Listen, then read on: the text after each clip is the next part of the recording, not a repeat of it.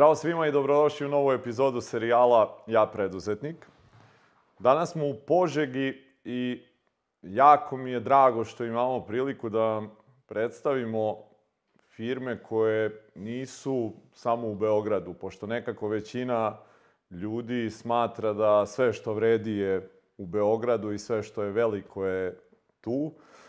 A kompanija koju ćete danas imati prilike da, da vidite kroz ovaj serijal radi neke neverovatne stvari. Za njih već znam neko vreme. Danas sam imao priliku da obiđem i pogone i sve to nešto što se planira i e, daleko je sve to nadmašilo negde moja očekivanja. Iskreno bio sam impresioniran i onim što već postoji tu, a tek onim što će doći. I sad, naravno, znate, neću ja reći ni, ništa o toj samoj firmi, ostavit ćemo nekome ko je najkompetentniji da to uradi. Moje je samo da vam najavim gospodina Gorana Jankovića. Gorane, hvala na gostoprimstvu, hvala ti na prilici da vidimo sve ovo danas što smo videli i da ostavim tebi da predstaviš svoju firmu i šta je to što vi radite. Dobro. Dobar dan. Uh, Inmold firma u Požezi, kao to što ste videli, jedan, deo, jedan veći deo firme, znači ima i drugih delova, to je mm -hmm. jedan dobar veliki deo se nalazi u Priboju, jedan deo se nalazi u Austriji, mali, da bi mogli lakše postavimo sa Evropom, da neke stvari ubrzamo. E sad, uh, prvo predstavio sebe, ja sam diplomirani mašinski inženjer, završio sam mašinski fakultet, e, smer proizvodno mašinstvo. Imao sam, e, rođen sam 1964. Zaposlio, završio fakultet 88. godine i odmah se zaposlio u prvi partizan u jednu dobru, tehnički na viso, veoma visokom nivou firmu iz Užica. I tu sam naučio azbuku posla koji sad radim. Nažalost, e, kao što se dogodilo sve u firmi, u državi Jugoslaviji, ako kao pod Indigo se događalo i u prvom partizanu. I u tim periodima, u periodu 92. 3. to je drastično počelo da se osipa i da se e, raspada, ajde, tako kažem, ni malo nije, nije, nije ovaj oštar, oštar pojam. Tako da je i moja firma gdje sam radio praktično počela mnogo, mnogo loše da posluje. U svemu tome ja sam imao sreću da prvo da su me roditelji naučili da radim, što je osnovna, osnovna stvar u životu. Znači da naučili su me da radim.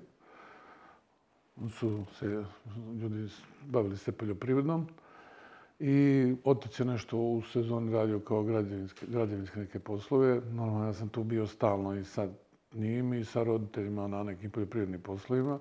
Sve vreme školovanja, da se sjećam od trećeg razda osnovne škole, pa znam da sam, počeo sam da radim na Ilindan na do 88. godine, a negde možda krajem u jula, pošto sam bio na praksi u firmi koju sam počeo radim, kolege su naišle tu da gde sam ja radio i vidjeli su me tu da ja tamo nešto beton neki mešam, teram kolica i tako to nisam ja to ništa doživljavao kao tragediju, nego onako do tad, do samog e, početka rade, ja sam se bavio sa, i pomagao ocu, čak na, ovaj, moj sin ima sad platu i čerka i čerke koje rade ovde, ja sam to radio, ja ne znam, ni, ni, imao sam para, davo je para, ali platu nismo nikad ni pričali o tome. Ja stvarno ne, ne, nismo ništa ni pričali o tome. Znači, kad mi trebalo para, ja sam tražio i dobijao, ali da smo nešto imali definisano, ne. Osjećao sam da doprinosim nekoj po svojoj porodici, da ćemo tako neke pare zaraditi, da ćemo nešto nabaviti, kupiti kući i to je to. To je bio motiv. I po, kažem, počeo sam prvom partizanu. Nažalost, to se raspalo zbog cele situacije, nije zbog samog prvog partizana, nego zbog cele situacije koja je snašla celu zemlju. Zahvaljujući tome što sam sa roditeljem naučio radim, a što sam završio jedan praktičan fakultet koji omogućava da se baviš sa dosta stvari. To malo fali sa deluje prema ostalim ljudima, a mi smo negdje mi rođija u svim čorbama. Svuku danas može, može biti i u proizvodnji sokova i u proizvodnji mesnih prerađevina i u mašinskoj industriji i svačemu. Tako da ko imalo ima kreacija, naučio neku teoriju i osnovu neku, može naći neki posao da radi ili da se zaposli veoma lako ili da radi nešto samostalno. To se desilo i sa mnom i ja sam ovaj, prosto zanimljiva je situacija, samo se vratim, supruga mi je završila prava. Uh Ona nije, imala, nije bila zaposlena kad smo se uzeli, ta posla se tek krajem 90-ih. Znači, ja sam prvo dete dobio 90. godine, pa drugo 92. A ja i Slobodana tamo 94. I ja napustam posao, žena ne radi nigde. Ja imam troje dece kući i napustam posao kakav god da je bio. Uh -huh. To je bilo nepojmljivo. Sad to relativno je blizu to, 94. za nas. Možda to mhm. možemo kažemo da je blizu, možda za ove mlađe ne. Ja kad sam pomenuo tu ideju, nisam ja to naprasno radio. Ja sam otišao kod mog direktora i rekao da ću ja planiram da napustim. To je bilo možda negde krajem jula, početkom augusta, da od 1. januara te sledeće godine ću napustim. I pričao i nekim kolegama, oni su više drhtali od mene. Znači, to je bilo čudo Bože, šta sad ja to, kako to? I sad uplašio me, kad sam ja to saopštio direktoru na nekom sljedećem sastanku, on je rekao, pa ti imaš troje dece, kako ćeš da, ako se razbole, recimo. E sad ja nisam znao tad propise, pravila, zakon, kako to sve funkcioniše. To, ja se zaledio, u momentu sam zaledio, šta sad, nemam ni to socijalno osiguranje što imam što imaju zaposleni, šta ću sad ako se razvoljaju, nemam ni pare da, da, da mm. lečim, što ću kuću onda. To sam vidio kao ogroman problem. Međutim, imao sam od mog kuma, brat je radio, on je ekonomista, pa je radio te neke stvari tog tipa u okviru prvog partizana. Kad sam izašao iz, kuma, iz kancelarije direktora, moj prvi potez bio da koliko me noge nose, otičim od njega da pitam, da mi objasni šta se dešava kada napustim posao. Međutim, ipak mi živimo u jednoj humanoj državi i sada i tada da kogod ode na biro, on ima penzijsko, ne penzijsko, nego socijalno osiguranje, tako da može da se leči u državnom zdravstvu, može da se reči. To je bilo onako rešenje moje ime. Mm -hmm. Ja sam to teo odmah da rečim da bi znao šta dalje. Vjerovatno da to nije moglo, onda bi se teško razmišljao šta da radi. I počeo sam da, da, da počeo sam koje šta privatno radim, tu u principu prvo da, eto, kažem da se Eh, obilazim u radionice tadašnje da nudimo inženjerske usluge, ono što ja znam od nekog znanja isto koliko je koje kome upotrebljivo inženjerskog i opšte ovako posla koje mogu dobavim, a vezano je sa mašinstvom. To su bili neki prvi početci. E, posle je sve to nastalo jedna firma koja je bila ortačka i posle je kao moja stopostetna firma. E, ovaj, a sad imam da predstavim, znači da je formiran, uh, uh, registrovan 18. novembra 2006. godine. Uh, delatnost prvenstveno tad kad sam ja, kad smo formirali, bilo je alatničestvo, alati. Posto znao sam da tržište za to postoji u raznim branšama, raznim oblastima, da će to, da je uvek trebalo i da će uvek trebati. I sad tu imaju i podgrupe i različite neke u, grane u kojima se koje kakvi alati prave. E, najviše sam bio u tome da pravim alate za proizvodnju plastičnih delova. I to mi je negdje bilo na umu da film bude u, u, specijalizovan za te stvari. I počeo sam u tom smeru i da radim i da ono nešto što mogu da okupim oko sebe e, od, od alata, od ljudi prvenstveno, a posle i od mašina i opreme da formiram tako nešto i tako je krenulo firma, znači, od ta jedna najveća objem posla je u tom alatičastvu, izrada alata za proizvodnje plastičnih delova, ukratko. Mnogo je izrada robota koji prate te alate u procesu proizvodnje, kad se to sve složi na jednu tehnološku liniju, da to bude kompletiran, treba i taj robot, da bi to imalo neke produktivnosti, bilo u skladu sa današnjim vremenom može to čovjek da radi, ali ne pojemljivo je da postigne kapacitet i sve to što se traži danas.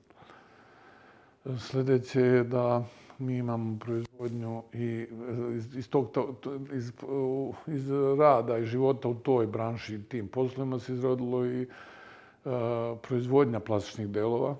ali ne bilo šta što je konkurencija mojim kupcima, nego nešto što je specifično i vezano za direktnog kupca koji je to naš odabrao da budemo dobavljači. Tako imamo jednu značajnu proizvodnju iz te oblasti. Uh, veoma bitno u ovoj oblasti je da imam da, da, da stekne autorite, uh, da poštovanje i poverenje kod kupaca. I treba prođe vreme za to. To ne može brzo. Znali su mene lično, znali su neke moje inženjere koji rade ovde i znali su da smo pošteni, korektni ljudi i da možemo da odradimo posao, ali firma je nešto drugo, ona je skup ljudi. A skup ljudi daje neku drugu psihologiju i drugo neko ponašanje. Treba da se stekne u, u, u ovaj povjerenje u firmu. Tako da mi u početku nismo imali ovaj dovoljno posla ovome što smo nameravali radimo i onda smo, pošto je mašinstvo tako sve stran, može svašta se radi sa njim, mi smo imali sve što nam dođe pod ruku, a, a možemo da ga uradimo. Pa recimo u Komšiluku je firma koja prerađuje voće i povrće i trebaju neki noževi koji tamo melju, melju jabuku, recimo to smo pravili bez problema i uzmali neki novac i za to. Mm -hmm. Nema to veze sa nama, sa onim što mi smo ono prioritetno želi da radimo, ali tad smo zbog novca morali da uzmemo i to da radimo. Znači, u principu su bili korektni, onaj pošteni, normalni poslovi da se moglo nešto i naplatiti i zaraditi kako je odmicalo vreme, ovaj, iz, te, iz tog perioda su imali drugi poslovi, između ostalog eh, krenuli smo kad niko možda nije ni... Nakon, ja, prvi kontakt je bio sa poznatom firmom Milanović, inženjeri iz Kragujevca. Prvi put kad sam kontaktirali sa njima, sam poslao jednog inženjera da se upozna s poslom koji bi eventualno trebalo radimo sa njima. I on, pošto je studirao u Kragujevcu, on vraća se kaže na šta god ovo možemo da radimo. Kaže, ja s mojim kolegama pričam, ovaj čovjek nije baš do, do, dobar stojeći, inako, do, nije to baš onako dobra priča. Međutim, šta ja znam, neko, neko čulo, mi smo reklo mi, ja smo odlučili da krenemo da radimo s njima. To je sve od najkrajnje korektno sve završavano. Normalno ta priča sa njim se samo širila, širila, širila on dolazi u situaciju da to prodaje Siemensu, pravi svoju firmu za koju mi dalje radimo, novu firmu za koju mi dalje radimo, a Siemens e, samo se povećava posao i to puta dva, puta tri, a i sve neke, pošto smo mi svi oba dve domaće firme, svi mi ne, i on i ja i većina firmi plati sve, ali možda malo kasnije, malo ovo, malo ono, ali plati, ali Siemens je ogromna firma, pa ima kompa, tamo sistem ukuca kad se plaća, tad niko je to nego, nego samo računar odradi, pa da se pre... Tako da smo i to uveli, u, u, u, sistem je uveo u totalni red i mi smo tako dobili jednog dobrog, dobrog kupca i sada gde se iz godine godinu povećava obim mm -hmm. proizvodnje.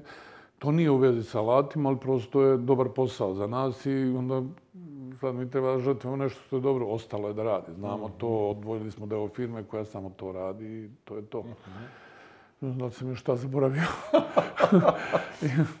Nije lako kad, e, ako sam dobro razumeo, vi ste već skoro blizu 600 zaposlenih. I većini kad nas gleda ili sluša ljudi koji su možda negde na početcima, to i deluje nemoguće za ostvariti. E, to i jeste negde razlog što volim da, da se i vraćamo na početke, da ljudi čuju da Inmold nije nastao preko noći, nego evo sad to što si ti rekao je isto negde e, da je pre Inmolda postojala još jedna firma. I sad, ako gledaš iz te perspektive, hoću da te vratim u 90. još malo da se zadržimo tamo. E, to što si rekao, svi su smatrali da si lud, napuštaš siguran posao, kako se to godinama ovde zvalo, jel tako? Ovaj, I jel bi rekao da, da je taj možda preduzetnički duh negde postojao te, u tebi ili je to čisto bilo nužda koja te naterala da uđeš u taj privatni biznis prvi? Ba imalo je oba dvoje. Oba dvoje. Mm -hmm. Otac moj je neki preduzetnik bio, kakav takav. On je bio čovjek e, sa osam godina škole, bio je građevinskim poslom se bavio, ali morao je da, organ, da nađe posao, da organizuje -hmm. posao, da nađe ljude sa kojim će to dobavi, dobavi. I time se bavio, preko leta se te, u sezoni se time bavio. Mm -hmm. Ja sam bio tu pored njega i mogao sam to videti kako radi, mm -hmm. pa sam to i tu naučio nešto i vjerovatno bi se to tako završilo i da nije bilo nužde. Mm -hmm. A druga stvar, to, to mašinstvo. Imao sam u, ja mislim da u celoj mojoj familiji veoma malo nas ima koji smo, možemo da napravimo neki iskorak od proseka nekoga. Jedan od tih je bio i moj rođak, nažalost, e, od tetke koji je završio mašinu stariji od mene, tvan, možda 10-12 godina. Završio je mašinstvo, radio u prvom, ovde u Valjonci Aluminima.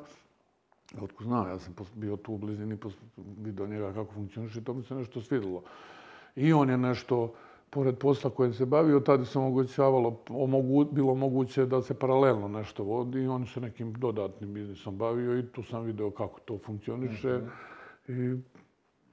I bile su mi blizu te mhm. situacije. Sad, verovatno, imaju u mojoj prirodi nešto tako mm -hmm. da bi mhm. se ja te bavio, verovatno.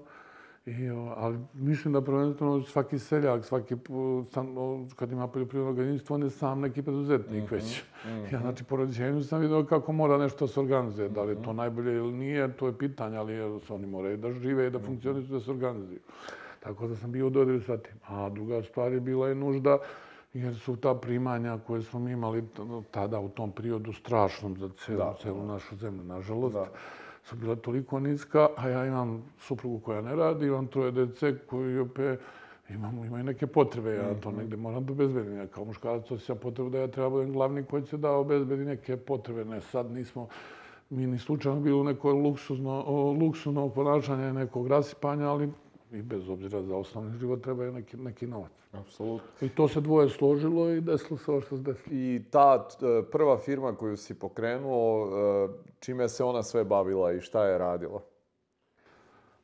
Pa mi smo tad pokrenuli e, to proizvodnje plastičnih delova u toj firmi.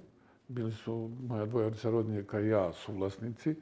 I pravili smo u startu dve neke velike celine. Bilo je tu nekih sitnih posličaka još, ali velike celine. Bila je proizvodnja omota za videokasete, za CD-ove i za DVD-eve. Tada je to bilo veoma, veoma aktuelno. Mm -hmm. I drugi deo je proizvodnja ambalaže za, tada za hemijsku industriju. Znači, nismo mi zalazili, tad počinjali sa, he, sa ovaj, prehrambenom industrijom, nismo ništa radili. To je bilo. Uh, Je li tu bilo samo vas trojice ili ste imali neke zaposlene? Trojice, trojice. Samo pa, vas? Ne, a, da, ne, počeli smo mi trojica, mm -hmm. pa prvo nas trojica i onda kad bi neki veći posao, skupi se moja žena, žena od ovog jednog drugog ortaka, ta treća nije bila, ona je bila neka malo tako, ne znam ni ja, nije bitno. Ali na, na, I onda i neko iz komšiluka i tako, mm -hmm. na, ono, ajde da se odradi taj posao, to je bilo dva, tri dana, možda ili nek, dva, tri puta u, po dva, tri dana od toku mjeseca. Ono, ostalo mi pokrpimo, mm -hmm. uradimo nekako mm -hmm. i tako. Je, po, ali veoma brzo su došli radnici. Prvo, ja mislim da je bilo 3 plus 3 u dve smene je bilo, znači 6, pa onda se povećalo na 10, 12 i tako. Mm -hmm. U toj bivšoj firmi ja sam bio do 2006, 24. septembra 2006. imali smo maksimalno 150 radnika tad. Mm -hmm. Posle su oni povećali, mislim da imaju sad bili 300, ali Tad, ja sam, dok sam ja bio, bilo je 150 ljudi. Šta su neke stvari tad koje su vam, ono, ajde, svoj trojici, da kažemo, bile uh, izazovi da, da bilo organizacijono kad su novi ljudi došli. Za ove mlađe ne mora, možda, verovatno i oni sad znaju da su te 90. bile uh, lude godine i inflacije i svačega nečega ratova i svega toga ali na koji način ste vi uspeli da recimo steknete te neke preduzetničke uh, preduzetnička znanja, da upravljate sad nekim ljudima, jel ste imali možda nekoga da pitate kako bi to trebalo ili je to sve moralo da ide ono na teži način, na sobstvenim greškama? Napomenuo tu jednu veoma važnu stvar, tu praktično para nije bilo. Mm -hmm. Nismo imali para da bi krenuli da radimo bila neka želja da mi sad pokrenemo nešto da radimo da bi imali neke prihode pristojne čoveku. Mm -hmm. To je bio motiv prvi. Mm -hmm. I, a je sad, kako smo uopšte ta neka sredstva obezbedili za rad, da, da možemo nešto radimo.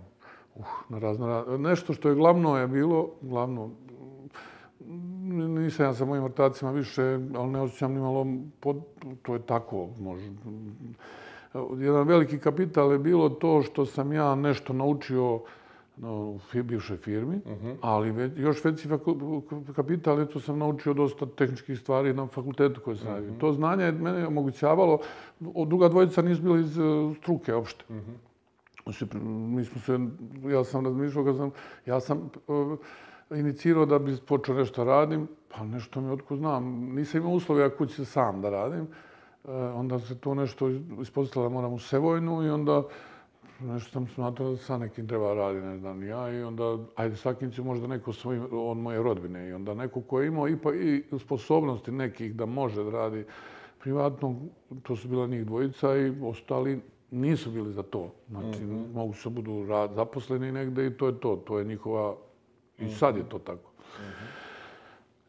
I ovaj, osnovno je bilo što sam se ja tu razumeo to što, tu delatno što radim, da sam mogao to dosmislim od početka do kraja, da dobijem gotov proizvod, da bi mogli da ga prodamo, da dobijem novac za to i da to relativno napravim za relativno male pare. Znači, to je samo trebalo pameti kod me, znanje u tom svemu.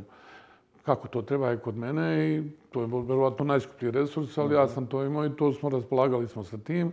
I onda sam nešto na, na, na poznanstva, nešto na molbe, nešto na sitna plaćanja, uspio da sklopim kockice da nešto obezbedim od opreme da mogu da radim. To stvarno bila mizerna, mizerna, mizerna oprema odnosno na ovo što sad što ste videli. Ali je moglo sad ti nešto se proizvodi da se izađe na tržište. Stvarno mizerno. Mislim da je neka prva ekscentar predsa bila uzeta pod kiriju od nekog tamo mog poznanika koji je tu. Kome je to stajalo u podrumu, on je nešto mislio da radi, ne znam on šta će, pa je to stajalo. Po, pro, mislio da će nešto baviti, pa mu stajalo i njemu dobro došlo da uzme možda 50-100 maraka tadašnji kirija, a ja da imam mašinu na kojoj će raditi. I tako je to pokrenulo se. A, a to izazovi, šta, to, se svrati na to pitanje što su rekli, šta ja, a, a, ni, ne znam, šta je mene lično odlo. Znači, to je jedna zdrava, ja sam mislio, upadam u razno razne situacije koje treba neko razrešiti. Ako, nema, ako imam koga da pita, to više imalo da se pita u nekoj sad tehnička stvar ili neka, neka nešto što je se usko stručno. Ali ovo preduzetničko što si ti, ne, to mislim, nisi imao koga pita što i kad pričaš ti razmenjuješ iskustvo e, kako bi bilo, niko nema takvu situaciju da je preživio da ti kaže sad ja sam to tako pa ti možeš tako ili nešto malo modifikuje ili radi drugačije, ali eto tako može. Ne. Nego ako smo i pričali, pričali smo onako na osnovu zdravog razuma, šta bi bilo logično.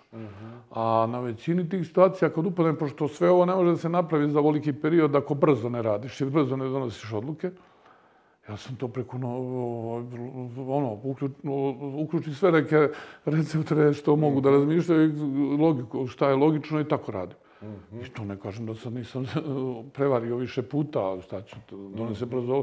Ja sam neka pristalica da nešto i uradim, pa i ako to bude pogrešno, brzo sam uradio, pa imam još vremena da popravim, pa da stignem mm -hmm. opet negde da uradim brzo posao. Kad govoriš o tim odlukama, na šta si u tom vremenu bio više ono uh, naklonjen instinktu ili je bilo možda više logici? Logike. Mm -hmm. Meni je logika. Mm -hmm. Je se to uh, i dan dana zadržalo na taj način? Ima li instinkt danas... bilo kakvog uticaja. Pa, kažem, ja taj termin instinkt nisam ni upotrebljavao. ne mogu, nešto mi nije to... Ovaj, taj Dobro, termin, ti si čovjek inženjer. Znam, znam za termin, ali nisam uopšte to nešto -hmm. kalkulisao sa tim. Mm -hmm. Ja kad kažem logika i danas je logika, ali sad imaš i da pitaš nekoga. Sad -hmm. imam i, ko, i u firmi, imam firme mm -hmm. da možda ako sam u dilemi, pitam, funkcionišem. Ako ne mogu sam, nisam siguran to što odlučim, da, da mogu da odlučim sam, a mo, znam da možda može neko mi pomogne. Mm -hmm ne može svaka, ali neko ko je za taj, ko ja smatram da, mo, da je, može neko mišljenje svoje, ja pitam, i pitam jednog, drugog, trećeg, on si ne znaju međusobno, recimo, se znaju, nije to bitno, i onda imam im svoje mišljenje, i onda na osnovu svega toga donesem sud. Ali se to mora brzo da radim, mm -hmm. što brže to bolje. Znači, nema tu sada ja gnjavim sto godina, nešto Aha. to ne dolazi obzir. Je li ta odluka isto da e, napustiš tu firmu koju ste eto gradili jako dugo i koja, koliko sam te razumeo, je na kraju i došla negdje na preko 100 ljudi, da rešiš da izađeš odatle i da sve kreneš od nule, je li ona bila brza i, i tako jednostavna kako izgleda kad govoriš? Ovako, to, ovaj, Samo, samo to od nule.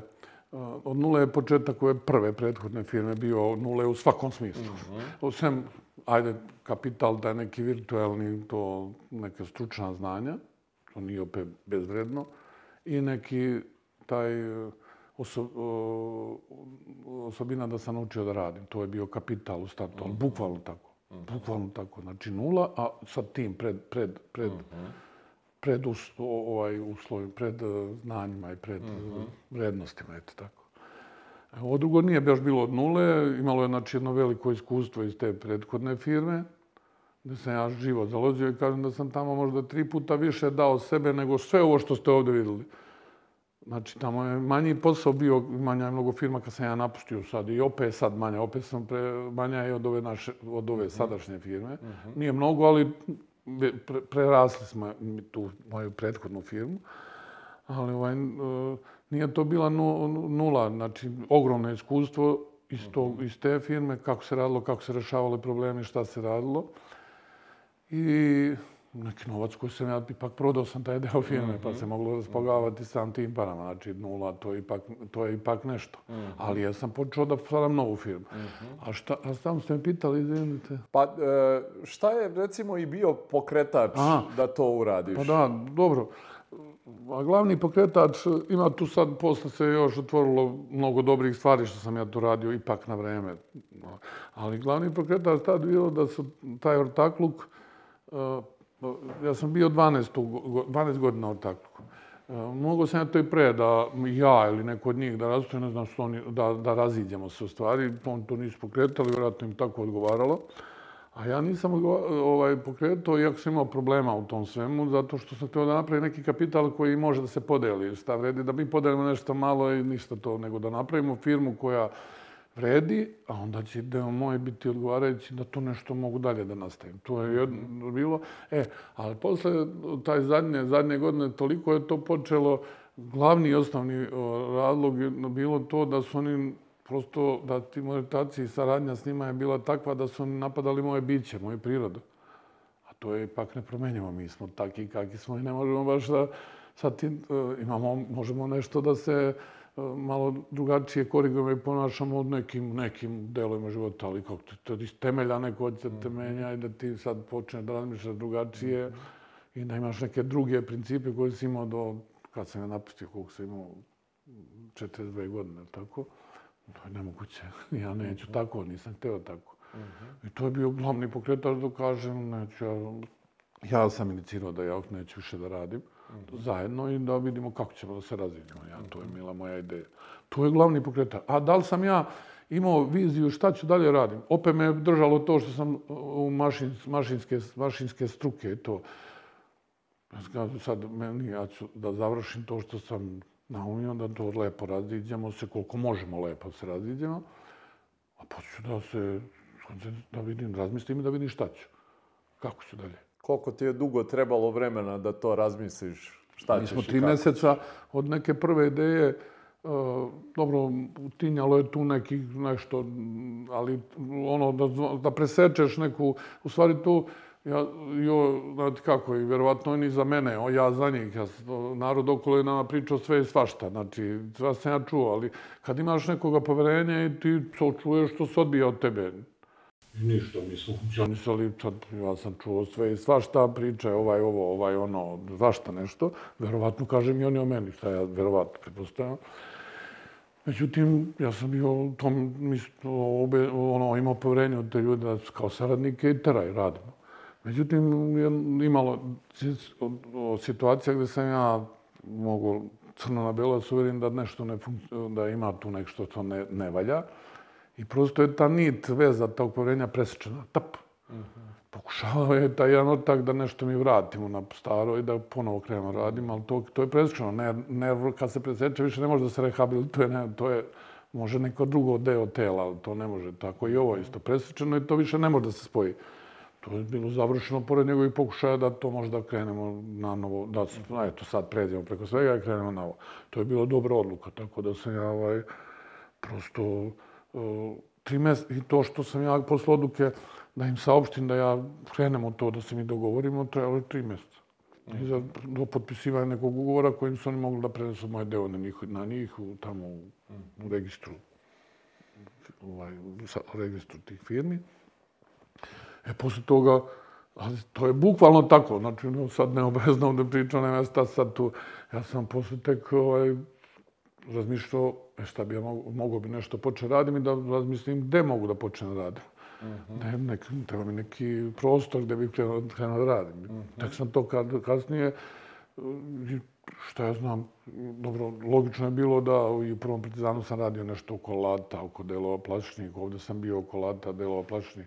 Mogu sam da počnem da radim isto ambalažu ili neke firme smo i tak pokretala se ovaj isti biznis ko moja bivša firma i 10-15 godina posle mene. Posle, posle mog napuštanja firme, da to sam ja mogu isto to da radim, međutim nisam, vidio sam da imam drugih nekih mogućnosti, krenuo sam da radim, možete raditi. Uh -huh. Kako su izgledali ti početci? Jesi ono rentao neku halu, odmah zaposlio neke ljude ili... Pa, prvo sam gledao gde, pošto ja hoću da živim u ovom mestu, nemam neki razlog. Jedino kad bi e, e, ono, na život i smrt nešto uslovljavalo da ja živim, ne, da, ne, da mi neko preti životom meni i porodice, ja bi napustio zemlju. Međutim, to nisam, još, nisam doživio nikad u ovoj zemlji. Tako da sam odlučio da živim ovde. Uh -huh. I mnogo logično je bilo da ja nađem prostor negde u blizini, u, u blizini ovde u okruženju. Mm -hmm. To je bio prvi problem, prvi, ovaj, prvi problem koji ja treba rešim, da vidim kakvi prostor mogu da nađem, pa prema tom prostoru nešto da organizujem, da radim. I to je bio prvi zadatak. I iskočilo je da smo ovde na lokaciji u Požezi, da je bilo neka trgovačka kuća koja sam među vremenu pre, pre, godin, pre godin dana pre nego sam ja došao ovde privatizovala i moj čovjek koji je vlasnik, sam mogao da stupim kontakt sa njim, da pitam da li će mi iznajmiti, to prvo smo iznajmili, 400 kvadrat, 600 kvadratnih metara i počeli u tome da radimo. To, kažem, to je se desilo, mm -hmm. mada sam imao namjeru negdje na, kažem, šta god nađem na nekom, put, nekom pristupačnom putu prema ulicu, prema Lučanima, prema Kosjeriću, prema Rigu, mm -hmm. to negdje da to mhm. bude pristupačno. A što se radnika tiče, jesi odmah zaposlio neke ljude tu da budu ili... Verujte šta je bilo, na četku znam, tamo smo imali 150 ljudi, a ja kad sam napustio firmu, onda je jedno 5-6 njih došlo, nisam ih ni zvao. Mm -hmm. ja, teo sam ja normalno pozove neke iz moje bivše firme da dođu kod mene pređu, ali su tih prvih dana došli njih šest i kazali gore, ja mi dolazimo tu i radimo sa tobom. Nisu ni znali šta ću ja raditi, onda su došli, radit ćemo sa tobom. Sad ti gledaš šta ćeš, ti mm pričaš šta radimo i mi ćemo raditi. Tad su bili ljudi koji su nešto znali tamo da rade. Da. U toj bivše firmi. I tako, tako otko znam. To, Kako to je prvih ljudi, to je, da. to, to prvih možda deset su bili svi ljudi koji su tamo neki, bili neko vreme prethodno. I kako si došao do, do prvih klijenata? Jo, ja sam to prvo, znate koja je najveća muka, to ja stvarno ne znam, ne znam koliko ko, kojim novcem raspolaže. A preporučio bi da to drže na nekom potrebnom nivou i da para nemaju, da ne drže pare u parama u nekoj većoj kultini. To je neki djavo teški, znači, e, ja sam, ne sam ja sve pare dobio odjednom, normalno nisam namjerno hteo, ne, ja sam to, e, ja sam ljude u bivšoj firmi skoro sve primio, sve te ljude dan danas znam i oni većina još i radi tamo u toj bivšoj firmi i nisam ničim teo da ugrozim te, e, tu firmu, ne zbog mojih ortaka, tu sam bio neutralan i sad sam neutralan, ono, uspjeli, propali, to mi ne, ne znači ni mnogo to. Ali sam, ne, nisam teo nikom da nam, da, ovaj, nisam ja mogao sve te ljude odjednom primi, pa onda mi je bilo, znači, znači mi to da ta firma ne propade, nisam mogao da povlačim ja sve ono što smo dogovorili, da prodam svoj deo, da tražim odjednom. Da smo mi to na mnogo, mnogo rata, da to bude veoma lako za otplatu toj firmi, ali su ipak to bile neke pare. I onda taj, čak to negde do marta, aprila mjeseca, ja sam trošio sve vreme te pare koje sam uzeo za prodaju toj firmi. I sve vreme sam trošio pare, nisam dinara zarađivao. Pred, od, kad, od kad sam prethodnih eto, 12 godina ili 15 godina, ja sam stalno nešto zarađivao i te mhm. pare trošio. A ovde sam sad, Jer sam ja to negde zaradio i to, ali sam iznenadno dobio i onda ti sad trošiš para, ništa ti ne stiže, to je jedna teška muka. Mm -hmm. dođe, dođe ti mozak, mozak u konflikt, mm -hmm. onda ti šta ti sad, nenormalna ne, ne situacija, ne znam, pošto ti reče si bio futbaler, neke pare si vjerojatno zarađivo i sad kad trošiš, a ništa ne radiš, to je verovatno veliki problem psihički. To mhm. samo čovjek ne može da bude u problemu. Mhm. I, I sigurno tako propada, sigurno. Koliko si dugo imao taj period? Pa to je trajalo možda do aprila, ja mislim da e, sad prvi do aprila, to, ja mislim da jedna, jedan nikakav novac nije, možda je prva uplata na račun nove firme bila tek u aprilu mjesecu. Znači, a mi smo počeli 1. oktobra 2006. A u aprilu ili krajem aprila 2007. možda je prvi novac došao i došao je od Ferrotermo Čačka, firma u Čačku koja se bavi opremanjem farmi za piliće. Nešto smo radili za njih, neke te pojelice, hranilice i to. I mislim da je on prve pare uplatio. To je bilo reda veličine, možda 50-100 hiljada dinara, nije više.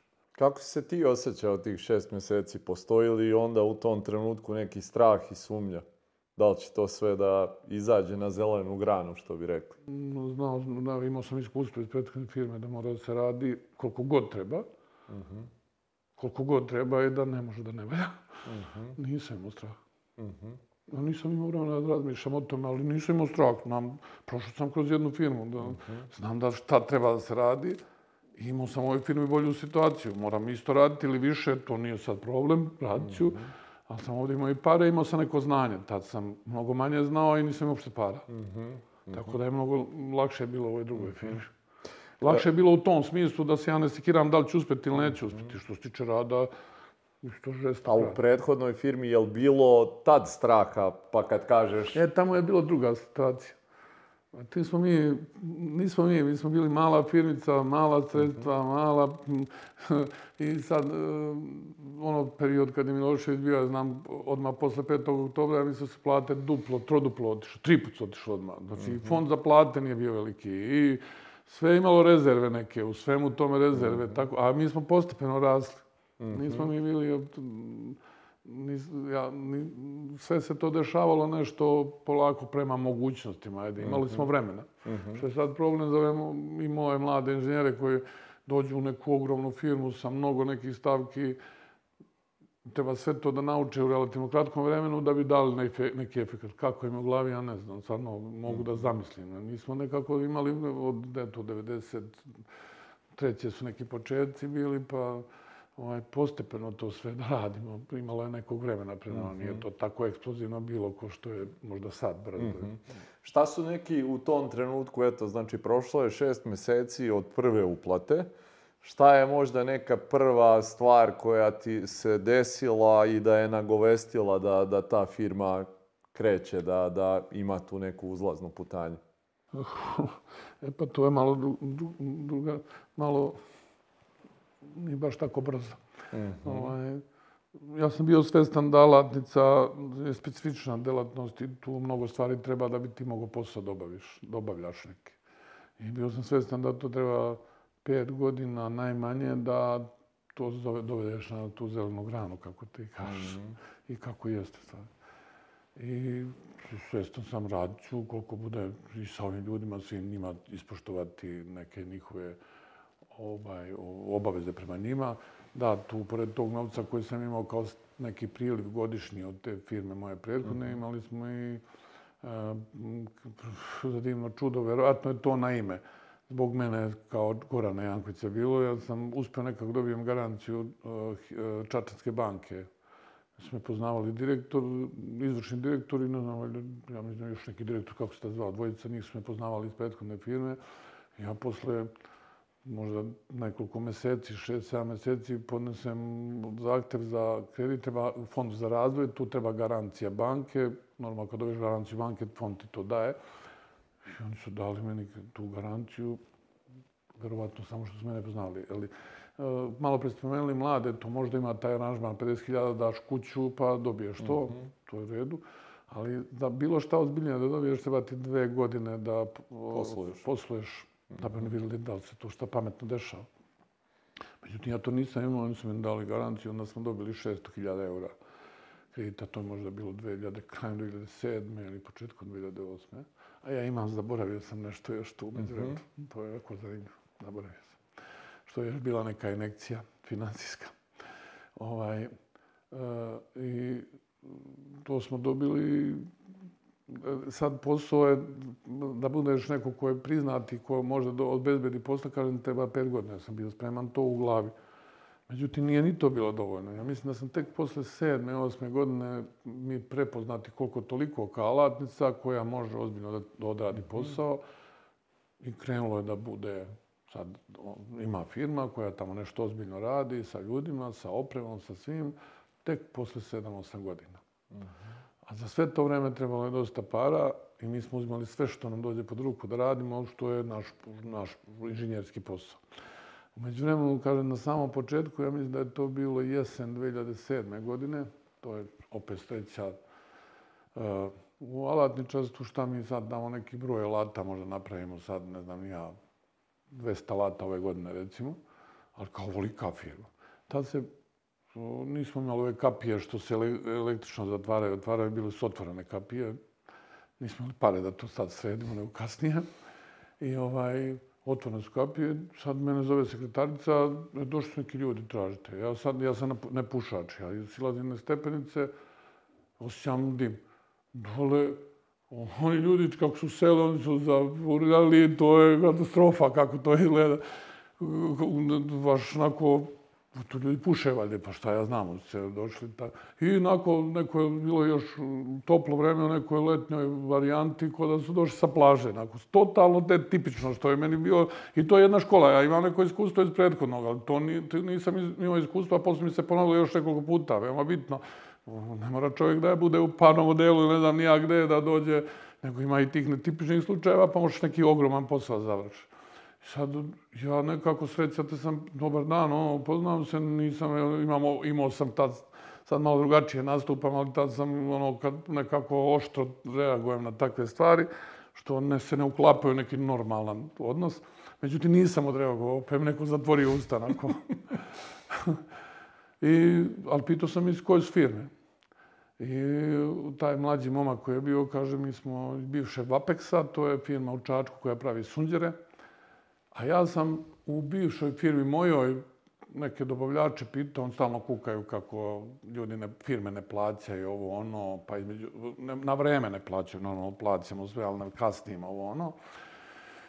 I ovaj, kako što pa dobro šta kukaš, imali bilo koja firma koja dobro radi. To se dešavalo možda 2002. treće, čet, treće godine. Ono, I on, a to mi drug, nek, školski drug, on kaže, ovaj, pa ima, pa kako se zove majke, ta firma koja je sve nakon na nota, srpska firma, tata. Pa kao ima čačku, Vapex neki, no, šta taj radi, kaže sunđer. Pa dobro, on ti malo kupuje, ja. kaže kupuje on, ali sve plati sama, nema u sekund sve. I ništa, to se meni ostalo negdje u glavi. Vapex, samo ostalo u glavi kao naziv. I da bi ja, ovaj, sad on pitam čoveka odakle, on kaže iz Vapexa. I sad je ono, ništa, čuti, šta, šta, šta, kak je, pušti cigare, puša, da vidimo šta ćemo dalje. I sedem sa njima što, ono, šta je, treba. On čovjek je izuzetni preduzetnik, ima ovaj, što kažete, instinkt za biznis i to je Sunđer je počeo radi, napravio dobar biznis. Prodao je fabriku Rusima, uh -huh. uzao neki novac, poprilično veliki nam red, veličine, ne znam, tačan iznos. I on čovjek nije hteo da ništa ne radi, nego da deo tog novca uloži u neki biznis da počne radi nešto novo. Pošto je moja firma ta prethodna dobro radila, nije on neki čovjek i onda je rasivnik, ali eh, pošto ima među vrši kupio neki čamac, posle otišao na more za tim, ono bilo malo, tamo ajde sad neko nagovori neku jahtu, kupi polovnu jahtu i uđe u sve tih sto voze jahte. Sa nekim prim jahtom kofića sad među ostalim autima, ali bio je tu, vrteo sam sad, valjda, prvo treba da ovaj, u zimovnik stavi tu jahtu, oni to odmah račun da pripremu jahte za sljedeću sezonu, 10% od vrednosti nove jahte. Uh, jebote, to velika cena, ovo, ono, šta toliko menjati, oni pokažu ovo, ovo, ovo. On vidi nešto, ima njuk, moglo bi ovo možda se pravi, možda je to moj novi biznis. I ujak me, taj drugi što je bio, to je stari čovjek, nažalost, umro mnogo dobar čovjek, ovaj, inženjer i on njega zove s mora, dole iz, iz bara je bilo, kao je, ne znam, sabore, sam, kako se tačno zvao čovjek, ovaj, je, može li, imamo nešto zanimljivo, poslom, da li nije moglo ta slike da se šalju, ali kao je zanimljivo, da li bi ovo moglo se pravi, pa čovječe, sve su ljudi napravili, može sve da se pravi, samo ponesi uzorke da vidim. To su bili oni cinkovi zaštite brodova od e, tih nekih galvanskih struja od soli i toga. To se kači na brodove i to se jede. Morska so to pojede i otprilike to i tako dimenzionisano za jednu sezonu služi, pa svake godine se menja. Potrošna roba. I to je bilo zanimljivo za njega da, to, to, da, da će imati posla da stalno menja. I sad uzeo je katalog, ko to dobavlja, ko to prodaje crnogorcima, ono katalog ima hiljada i po koje kakvih pozicija za svaku vrstu ča, jahte. Ne pričamo o brodovima, to je tek za brodove još priča, samo za jahte. Hiljada, dve hiljade pozicija koje kakvih različitih za razne brodove, to može da lepo prikači na njih. I ovaj, o, sad, pametan čovjek, on je otišao i pitao koje najviše idu. Sad, da bi bio ozbiljan koliko toliko, trebamo jednu 150 tih pozicija raznoraznih, da izađe na tržište, da možda ponudi, ne može sve odjednom, ali hoće 150. Mm -hmm. I sad je on odšao kod ovih halatničara, mojih kolega, i mi smo, mi, većina nas su neki veoma specifični tipovi, znaš, malo svoje glavi, najpametniji na svetu i tako to. I ovaj, sad, e, nije uopšte tipično da neka mala radionica napravi 100-200 lata za godinu dana. On je i sa pitanjem odmah, je, ja sam došao, treba mi 100, tad je bila, mislim, 130 alata. Treba mi, to on je to počeo da se interesuje krajem septembra ili početkom oktobra, a treba mi za februar, ili počinje nova sezona, u stvari priprema za novu sezonu, treba mi za februar 120 salata. I kad ga vidio, on daj momak maš napolje, si normalan, si normalan, to može. Međutim, ja sam to sad slušao i sad, pošto i sada i u prethodnoj firmi i na početku ove firme smo mi nismo, iako je bilo prečih posla, mi nismo zanemarili odlaske na sajam, obilaske nekih firmi i to ti daje neke e, saznanja nova, šta to može, kako može. Ja sam shvatio, u jedno, u jedno, od jedna ta firma je pravila pripremu za alat, tako da je možda i možeš i 50-60% da bude već gotovo, da kupiš kao gotovo i samo posle da ti još 40% doradiš i da je gotovo. I normalno sam to što mi on pokazao da trebamo se pravi, ja sam shvatio kao ovaj, odmah skačio da mogu da povežem sa tim da ja 60, skoro 60% posla kupim odmah ako imam novac. A on ima novac koji će plati da bi ja to mogu kupiti. I onda ovaj, ništa kažem je sad, nisam ja skrenuo ovo da radim. Ja sam, evo, došao čovjek sa parama i ako sad mogu samo, sam lud da ga odbijem, mora da prihvatim. Iako, da li je to tri mjeseca ti dovoljno? Nije dovoljno, ali moram da završim četiri mjeseca, to sve. Moram da završim četiri mjeseca. I prihvatio sam taj posao, odnogovorili se mi, to su bile poprilične pare, velike pare za to. Sad, sad i sad su, ali nisu svako epohalne, ali tad to bilo baš... I ovaj, normalno mi je čovjek pare sve odjednog dao. I mi smo to kupili. Ima, ima dobra strana da smo mi kod te firme da smo kupili repromaterijal. Bili najveći kupci od jednom što smo kupili. Znači, kupuje se to pomanje, a mi smo na celom svetu od tih kupili najviše u jednom momentu i jednog puta. I dan danas to pominju kao nešto. I danas se pamti posle koliko? 14, 13, 14 godina.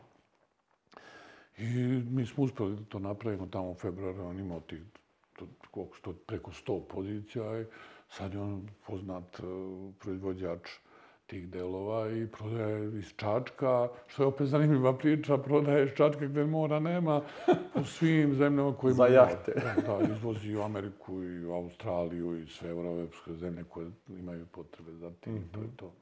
Tako da je to bila isto jedna financijska agencija, to sam mm -hmm. ali nije to, to je samo jedan segment koji je doprinao da sve ovo bude, ali kraj, ono, početak neki ozbiljnog da si ti sad na siguran da si imaš dovoljno kupaca, da će kupci dolaziti, da te shvataju ozbiljno, to je tek posle 6, 7, 8 godina bilo. Mm -hmm. Kako god mi bili, koliko god to dugo bilo. Da. E, ja sam, kažem, bio spreman na pet, ali posle sam vidio da to nije dovoljno, šta ćemo, guramo dalje, mm -hmm. radimo sve i svašta, zatvaramo neke obaveze koje imamo, plaćamo, radimo nešto petljamo, ali tek posle sedam godina možda je krenulo da mhm. kaže imaš nešto i to je prepoznatljivo i ljudi dolaze i traže nešto od tebe i mhm. hoće to da plate. E, dok je prošlo tih 6-7 godina, koliko si rekao, koliko je firma izrasla što se broja zaposlenih tiče? U to se više i ne sjećam, ali možda 100-120, tako mm -hmm. najviše. Mm -hmm. Koliko je tebi bilo uh, izazovno uh, kao nekome ko nije školovan za menadžera ili ovaj, da se bavi tim organizacijenim stvarima, da upravljaš kompanijom koja ima sto i nešto zaposlenih? kažem, ne znam sa tom manjom grupom, možda do deset radnika je upravljao moj otac. Ja sam bio tu sa njima, sa njima i znao kako to radi uh -huh. Sličan možda sam ja to primjenio. Uh, ali ovaj, posle sam se učio u bivšoj firmi. Mi smo dogurali tamo do 150 ljudi, tako uh -huh. da mi to nije uopšte... A druga stvar, da, da ne zaboravim ipak. Znači, radio sam u... Prvi partizan je bio složen, kao holding neke, ajde po novome. Uh -huh.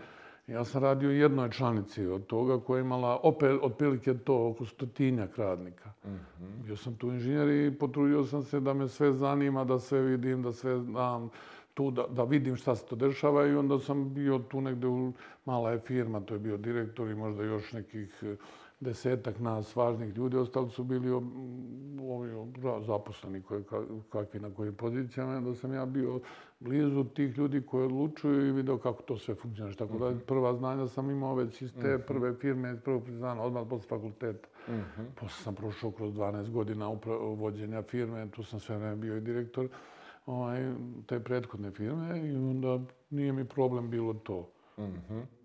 Šta si gledao nešto u tim ljudima koje si zapošljavao sad u, u svoju firmu, šta ti je bilo važno da prepoznaš u njima? Koje možda neke osobine ili šta god to već bilo što si tražio u njima?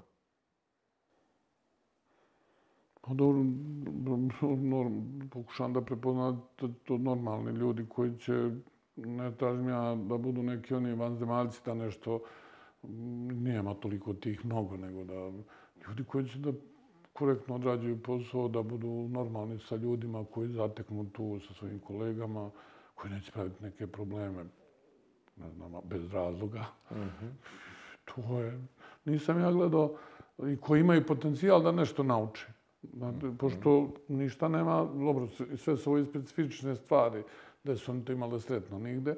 I onda i nemaš eh, ljudi koji su sa nekim iskustvom da ih dovedeš ti odmah samo kaže e, to ćeš radiš već znaš pa samo nastavi, nego moraš da ih naučiš. Onda mora da imaju tu osobinu da ipak hoće nešto da uče, koliko toliko, mm -hmm. zavisi u kojoj poziciji se nalazi. Mm -hmm. To je ovako veoma važno.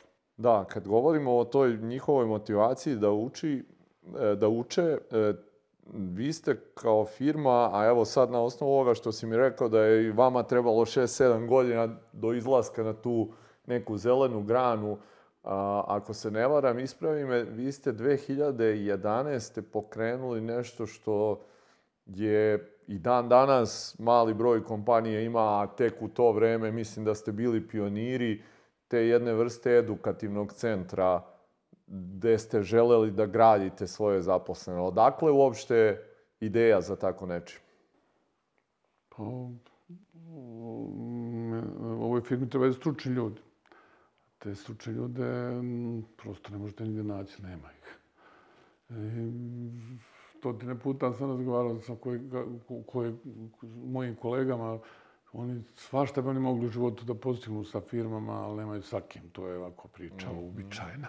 Mm -hmm. A čekaj, ne znam, nisam ja, ne ulazim ja u raspravu, tako ima, ima nas radnik, tako da ne, ne, ne, ne moram se zameran s nikim. Ali ovaj, Odakle ćeš da uzmeš ljude? Ko će tebi te ljude da pripremi? Šta će to? Kako će to? Šta misliš ti? Kako? Bio je neki sistem koji je pripremao za taj, to, taj period socijalizma ljude. Ali to se pogubilo, sve se pokidalo. Sad je neki drugi sistem, drugi na, i pogotovo taj neki početni kapitalizam. Nije ni kapitalizam formiran, još uvek nije formiran kakav, treba, kakav je negde u nekim mm -hmm. razvijenim zemljama. Ne znam, ko bi Verovatno i država i taj sav, sav aparat državni ima mnogo drugih problema, ne zna gde da se, da se okrene da bi to sve rešavalo što rešava. Znači, na ko, koga zamišljaju i ko to treba da obezbedi ljude, da bi oni imali ljude da svoje perfektne ideje ostvare. I ja, ono što sam, svi ljudi koji su i došli sa mnom, i oni su prvi dan, od prvog dana počeli da rade sa mnom u bivšoj firmi nisu ni oni došli kao neki znalci, ali su tu došli sa nekim ipak znanjima. Mm -hmm. I to je to. više ljudi nije moglo da se nađe. To je, može samo da nađeš čoveka koji možda ima neku pred, pred o, o, obrazovanje neko koje to možda nagoveštava da je da možda da nešto nauči iz ove oblasti.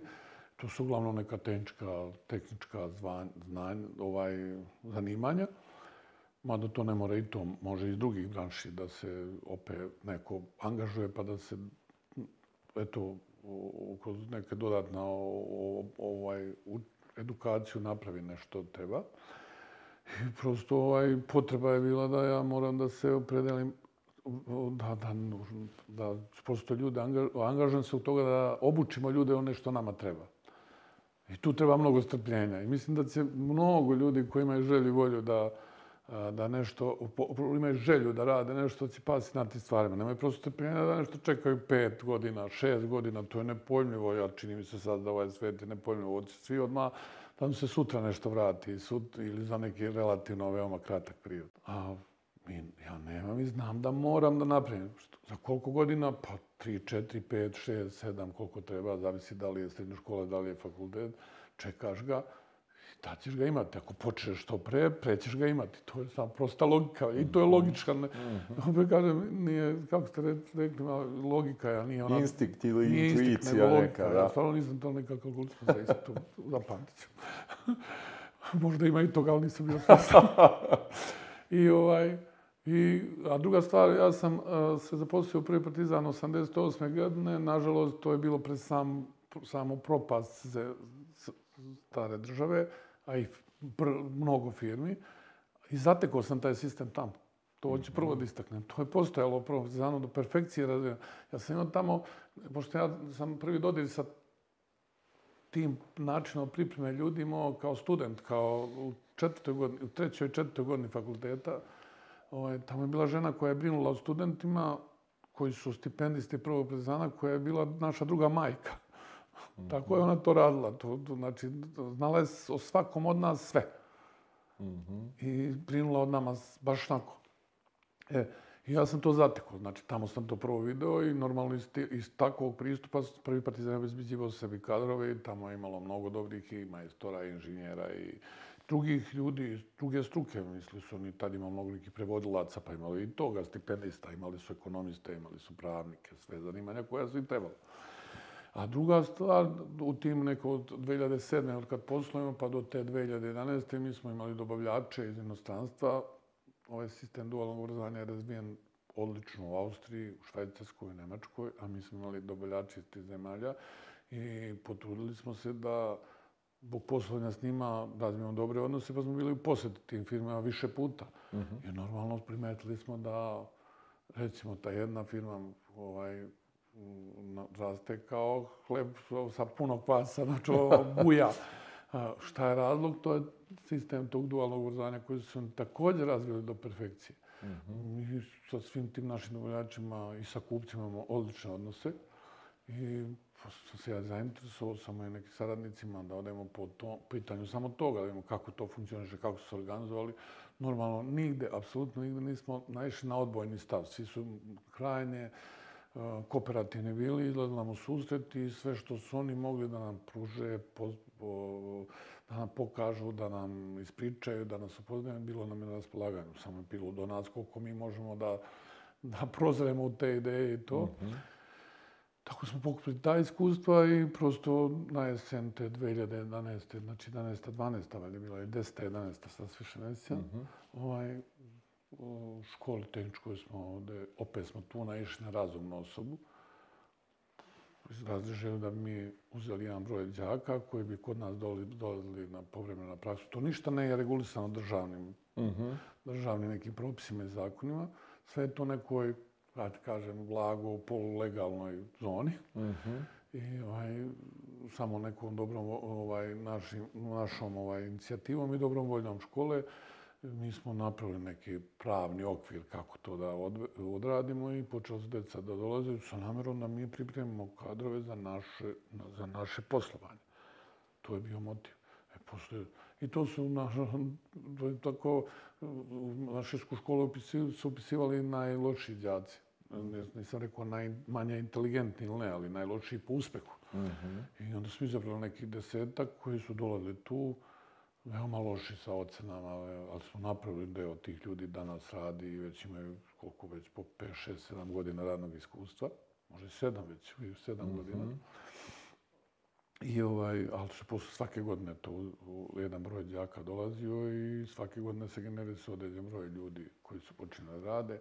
Određen broj ljudi je otišao na fakultete, tako da su već e, sad e, trojica, četvorica su došli s fakulteta i više možda već ovaj, vratili se, oškolovali se tih pet godina, mašli fakultete i vratili se da rade. Imamo još sigurno 5-6 njih koji su stipendisti i plus 20 koji su, nisu stipendisti, ali studiraju te neke fakultete koji nama mhm. odgovaraju. I na divno čudo, ta djeca prvo, što oni su tu ostali sa nekim lepim uslovima, odnosno ovu firmu i prvo, verovatno, kad se obratite za posao, oni dođu kod nas. Mm -hmm. Tako da mi lako se dogovorimo i krenemo da radimo. Mm -hmm. Tako da je to mnogo dobra stvar. To, to pričam pričam sa sigurnošću i to je jedan od savjeta tamo tim nekim novim našim kolegama koji budu radili. Ovaj, sigurno je dobar savjet. Znam kolika je muka, sigurno znam. Imamo mi Republički zavod za zapošljavanje, tako se zove sad. Ovaj, I sad ima tamo nezaposlenih i mi vidimo ko ne bi nam odgovarao po struci, po mentalnosti E, ali on, on, ta deca, ali već možda i ljudi u 27. 8. 30. godinama, pa i 35. Zamislite, kad nigde nisu radili, dođu ovde. To je muka živa, znači mi pred, on ne može pre 3, 4, 5 godina nešto pametno poče radi. A ja dobijem decu koju provučemo kroz srednju školu, koji su ovde... Ja sam u mozgu spreman da oni tu sad moraju da malo neobavezno deo vremena potroše, da kroz neki neki blaži odnos prođu, budu četiri godine ove prisutni. Znam da šta bi od njih e, koristi bi, šta ne bi, Bože moj, svestan sam to, mm -hmm. nema mozgu pretrećenje za to. A posle kad dođu, njima se pojačava do školovanja sve više i više angažovanja u firmi, normalno i novac koji primaju je veći i veći, kad dođu posle su spremni odmah za rad, barem za toliko da zarade za svoje plate. A ovi koji mhm. dođu sa zavoda za zapošljavanje, mm. muka živa. Tako da je to jedan dobar savjet ko bude u prilici da tako nešto radi, da krene odmah sa tim. Ne ovi ne početnici kolege, nego već ko neko ima 4-5 godina, mora da misli o tome. Mislim da veoma malo ljudi to i ovaj ne misli o tome, valjda, ne znam nija šta, mm -hmm. ne znam da li će misli da će da otme nekoga iz nekog ko ima, mm -hmm. jer mi smo ti jedna ta meta da nam uzmu ljude, ali uspešno se borimo sa tim. Mm -hmm. Ne, ne ide nam niko iz firme. Mm -hmm. e, rekao si tih nekih, eto, šest, sedam godina je trebalo do zelene grane. Šta je možda bilo te, ta neka sljedeća odskočna daska za Inmold što će je odbaciti na, na ovaj neki nivo na kome je danas? Aha, pa možda neka, šta je znam, mi smo počeli ajde sad, nisam ja, ajde, pokušam da, jeste to, dolazilo i ranije, razmišljam o tome, pa sam, ovaj, ono, organizacija firme tad, od početka malo ljudi, pa hura to, ajde, svi ćemo sve da radimo. Uh mhm. -huh. I onda u jednom momentu je došlo da mi moramo da preorganizujemo firmu. A, malo, imamo jednu organizaciju, kakva god da, se, kakva god da izgleda organizacija. Uh mhm. -huh. Međutim, to prosto dogura da ne može tako više. Uh -huh. I onda smo baš možda te posle 5-6 godina tih 7, 6-7, ne 5-6, 6-7, više 7 nego 6, ovaj, počeli smo, angažovali smo konsultantsku kuću koja nam je pomogla da preorganizujemo firmu. Koliko god da je to bilo dobro, nije perfektno rađeno, nije, nije perfektno, ali bilo drugačije nego prethodno. Sagledali smo stanje kako je i da vidimo da to nije tako više dobro i da, da je drugačije. E sad, opet mi valja iskustvo iz prvog predzana koja je bila jedna dobro organizovana firma, preduzeće firma, koja, kompanija koja je dobro organizovana, pa sam znao da tamo ima i odvojeno prodaja i nabavka i šta ja znam, tehnička priprema i proizvodnja i šta ja znam šta spravnik, sve što, je, što treba jednoj firmi da bi funkcionisala. I tad smo mi ovaj, organizovali firmu, preorganiz, počeli radimo po jednoj novoj organizaciji pionirski, ali počeli smo raditi da je bila jasna prodaja kao celina gdje je bila jasna nabavka kao celina. Neki ljudi su tu bili, oni su bili tu, ali posle se promenili zato što je trebalo bolji, ali bili su.